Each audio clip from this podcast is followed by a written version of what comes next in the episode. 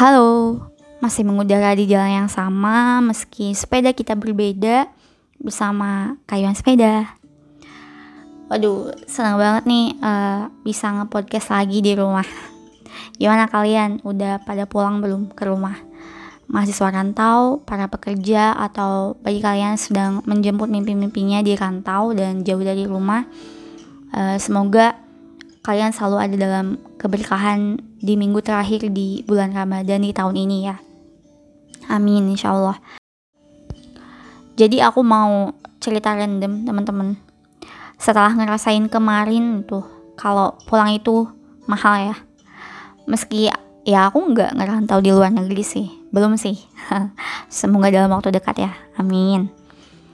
Dan aku ngerasa pulang itu mahal karena ini baru ngerasain lagi ngerantau setelah pindah kerjaan baru. Dan pulang ke rumah kemarin tuh baru Oktober ya dan harus ngerasain sakit dulu baru deh bisa pulang. Dan mungkin lagi pandemi juga ya. Terus kemarin aku baru pertama kalinya ketinggalan kereta. Anak kereta nih angker. Ketinggalan kereta pertama kalinya dan sedih banget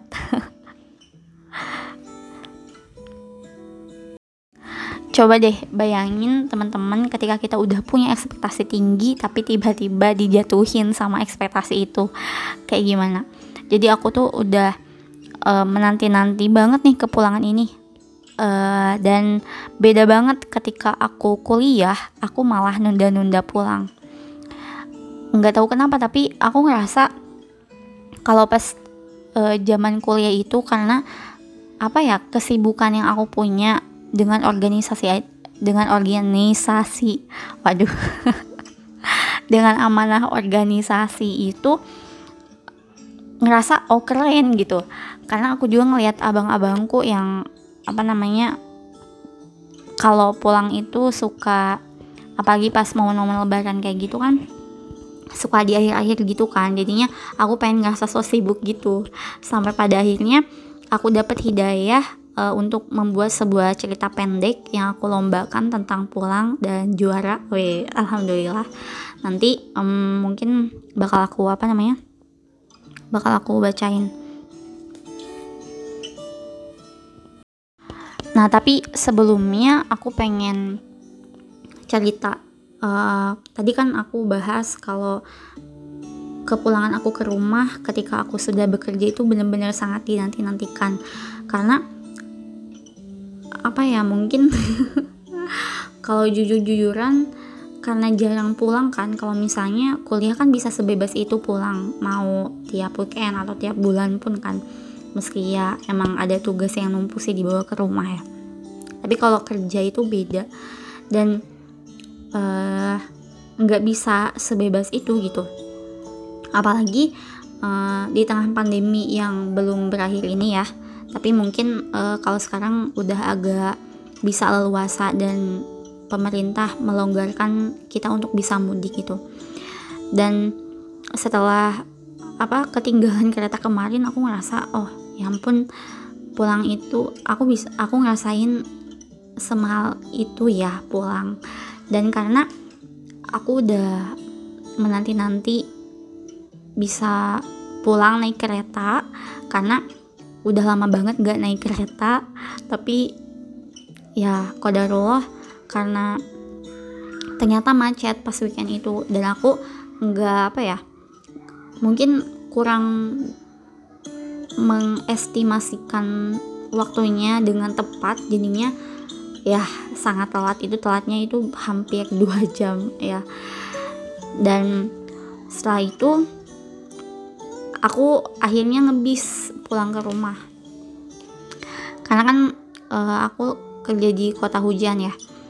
Dan aku sangat menghindari untuk naik kolom mini jadi teman-teman yang pernah apa namanya yang ngampus dari daerah Sukabumi ke Bogor mungkin juga sangat menghindari hal itu ya. Karena aku pernah tuh waktu ngampus lagi ada masalah juga terus pulang ke rumah dan itu belum ada kereta. Aku ngerasain hmm, nggak mau banget pokoknya naik call.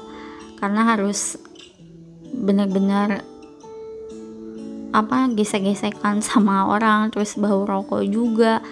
Dan ya gitulah. Peluh itu peluh keringat itu sangat bercampur aduk. Gak bisa ngebayangin itu kayak gimana. Dan kayak di Javu kemarin tuh berkaca-kaca pas pulang tuh. Karena kan bingung juga kalau dijemput juga itu dadakan kan jadi nggak bisa. Terus hmm, pada akhirnya ya udahlah merasakan hal yang tidak enak lagi karena aku baru kepikiran juga pas pulang itu aku uh, minta sama Allah ya Allah semoga perjalanan aku pulang ke rumah itu bisa jadi ibadah gitu. Tapi Allah kabulin itu ya udah nih aku kasih kata Allah tuh kan tapi jadi ibadah sabar dan itu nguras apa nguras emosi dan dan aku harus sabar banget. Itu lucu sih. Pokoknya aku rasa diuji banget sih pas pulang dan ada aja gitu drama dan hambatan pas mau pulang itu. Udah mah tiket kereta hangus terus aku udah pesen makanan ke mama untuk bukber bareng keluarga pengen ini pengen itu. Yang ekspektasi awalnya itu aku bisa sampai rumah itu sebelum maghrib tapi ini bener-bener melampaui maghrib dan kayak udah nggak selera lagi gitu makan. Dan aku rasa uh, hidup itu lucu ya. Kadang kita maunya apa tapi Allah ngasihnya apa gitu. Dan kita mintanya apa Allah ngasihnya sesuatu yang bener-bener di luar dugaan kita gitu. Jadi uh, ya gitu. Mungkin ada dari teman-teman yang apa namanya males pulang karena jauh atau kayak gimana gitu. Aku nggak tahu maksudnya alasan dibalik malas itu tuh kenapa dan alasan dibalik penundaan pulang itu kenapa? Di luar uh, apa yang kita nggak bisa handle ya kayak misalnya uang kita belum cukup dan tiket pesawat mahal itu beda lagi ya. Atau mungkin uh, ada tugas amanah yang bisa atau project yang berat yang harus kita handle. Yaitu uh, berarti emang kan kita bermasalah kan. Tapi maksudnya um, di luar hal itu kalau kita misalnya males pulang aku rasa kalian bermasalah sih. Jadi sempatkan untuk pulang karena uh, pulang itu bisa jadi ibadah loh kenapa aku mau bacain cerpen aku ya kalian tahu nggak kalau bulan Ramadan itu jadi momen yang paling tepat untuk berlomba-lomba dalam kebaikan. Kalau misalnya diibaratkan nih bulan Ramadan itu kayak sebuah lahan yang baik dan subur dan kita tuh harus memanfaatkannya dengan menanam benih yang baik yaitu berupa amalan baik ibadah wajib maupun sunnah. Nah, tapi seringnya kita lupa nih sebagai manusia yang masih menyandang biasanya status mahasiswa, kemudian kita uh, bekerja di rantau kalau menuai pahala itu bukan hanya sekedar menuntut ilmu terus mencari uh, nafkah untuk keluarga atau menjemput mimpi-mimpi kita kemudian kiamulail tilawah memakmurkan masjid atau menghidupkan sunnah lainnya. Ternyata masih ada loh kisah tidak utuh yang belum kita pahami rupanya yaitu tentang makna merantau sebuah kebaikan kecil yang sering kita tunda kebaikan itu adalah pulangan kita ke rumah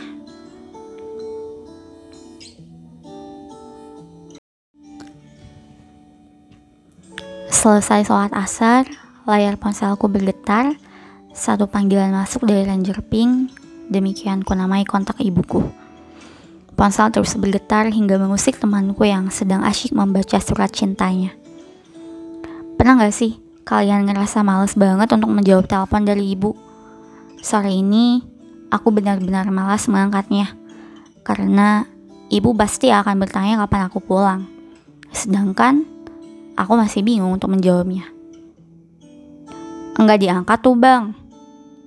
Tanggung, tilawah dulu. Aku mencari alasan.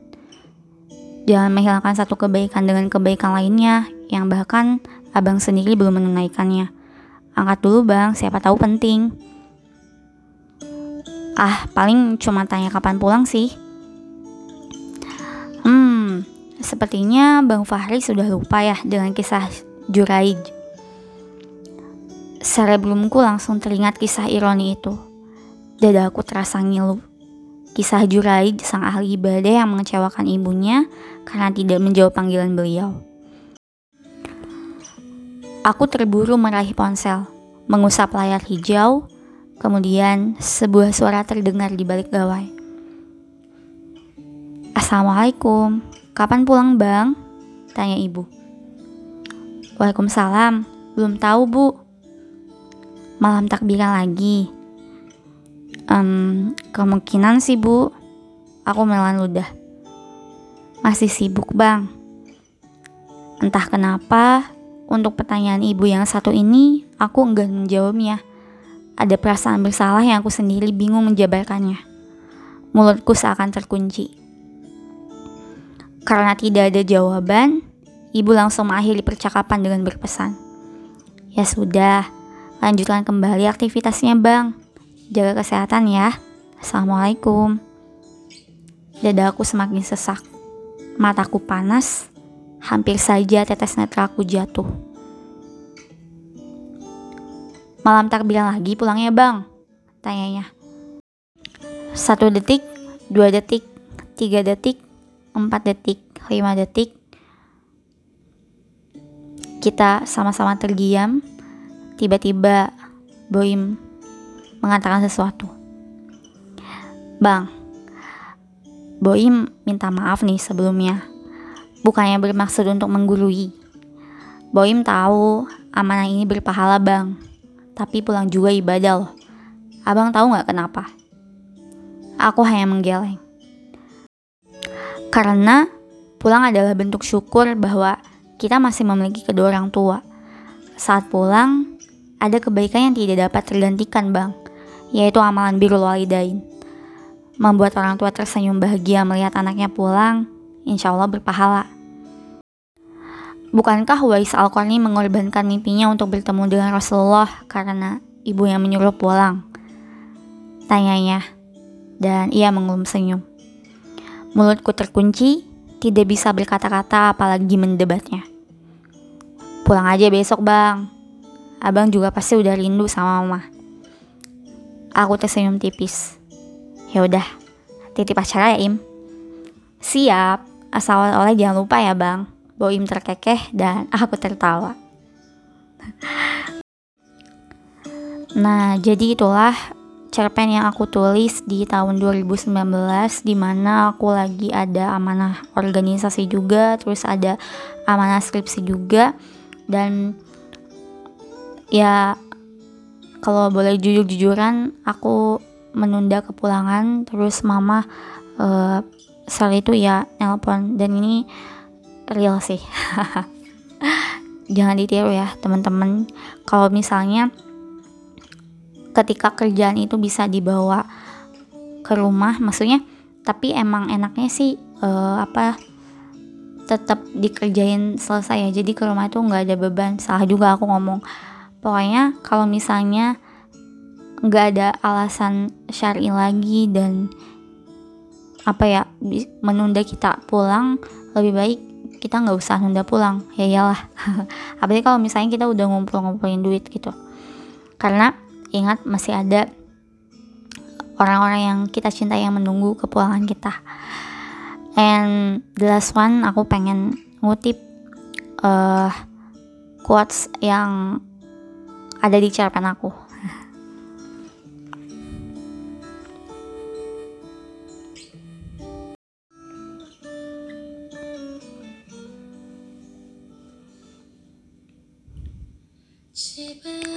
Kemarin kita pergi meninggalkan rumah untuk mengejar mimpi-mimpi. Maka jangan lupa untuk merayakan pulang untuk sejenak melepas penat hati dan merapikan mimpi-mimpi kita lagi yang berserakan. Kata pulang menjadi perwakilan dari seribu satu rasa yang tertuju pada kerinduan, pada sesuatu yang sudah menjadi ikatan kuat dalam diri manusia.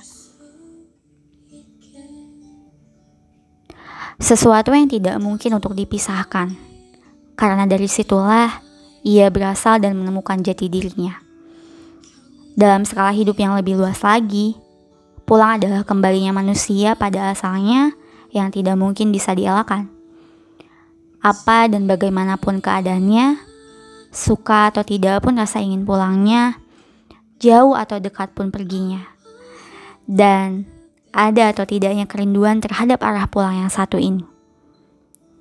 Karena setiap manusia pasti akan pulang. Karena kebaikan kecil yang sering kita lupakan dan kadang terasa berat adalah pulangnya kita ke rumah. Jadi, bagi siapa pun kamu yang sedang merantau, jangan lupa untuk segera pulang ya. Karena ada orang-orang yang mencintai kamu menunggu di rumah. Kayuan sepeda pamit. Until next time.